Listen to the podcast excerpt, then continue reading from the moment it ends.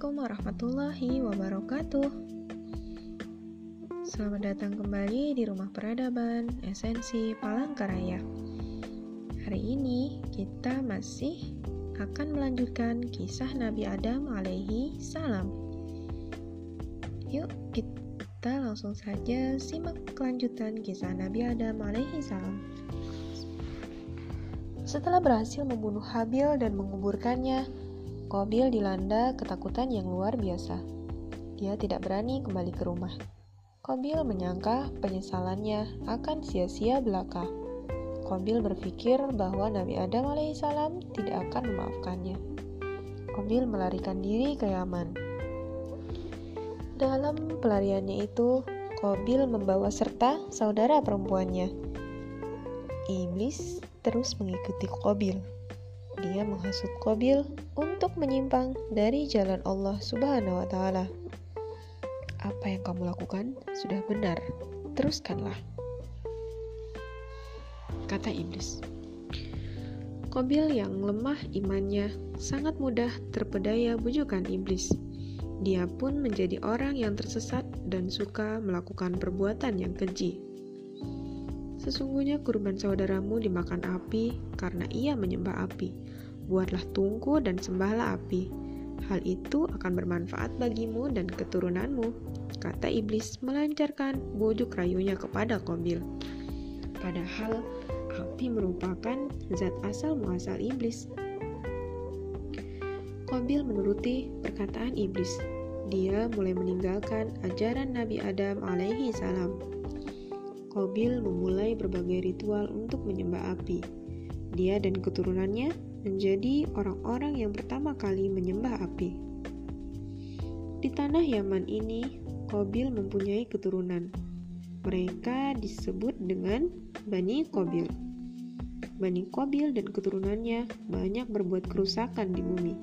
Mereka suka minum minuman keras, berjudi, berzina, mencuri, dan tidak mau menyembah Allah Subhanahu wa Ta'ala.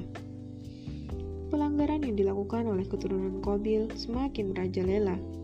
Mereka melakukan ritual yang menyalahi peraturan Allah Subhanahu wa Ta'ala, di antaranya ritual pemakaman. Ketika Kobil meninggal, anak-anaknya bermaksud menguburkan jasad Kobil.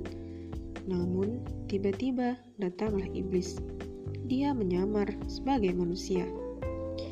Janganlah dikubur di dalam bumi, kata iblis kepada anak-anak Kobil. Lalu, apa yang harus kami lakukan? Tanya anak-anak Kobil. Ikuti saranku. Iblis dalam wujud manusia membawa dua buah batu hablur yang telah dilubangi tengahnya. Iblis meminta anak-anak Kobil memasukkan mayat sang ayah ke dalam ruang di antara batu-batu itu. Sebelumnya, mayat Kobil didandani dengan pakaian yang bagus dan indah. Minyak wangi membuat mayat Kobil harum semerbak. Ramuan pengawet digunakan agar tubuh Kobil tetap utuh. Iblis menyuruh mereka menyimpan peti batu berisi mayat itu di satu rumah Peti batu itu diletakkan di atas kursi yang terbuat dari emas. Iblis juga memerintahkan kepada setiap orang yang masuk ke rumah itu untuk bersujud sebanyak tiga kali. Peringati dan rayakanlah kematian Kobil setiap tahun. Saran iblis lagi kepada cucu-cucu dan anak-anak Kobil. Anak-anak keturunan Kobil mematuhi perintah itu. Setelah Kobil meninggal dunia, keturunan Kobil terus-menerus berbuat kezaliman. Siapakah yang akan mengembalikan keturunan Kobil ke jalan yang benar?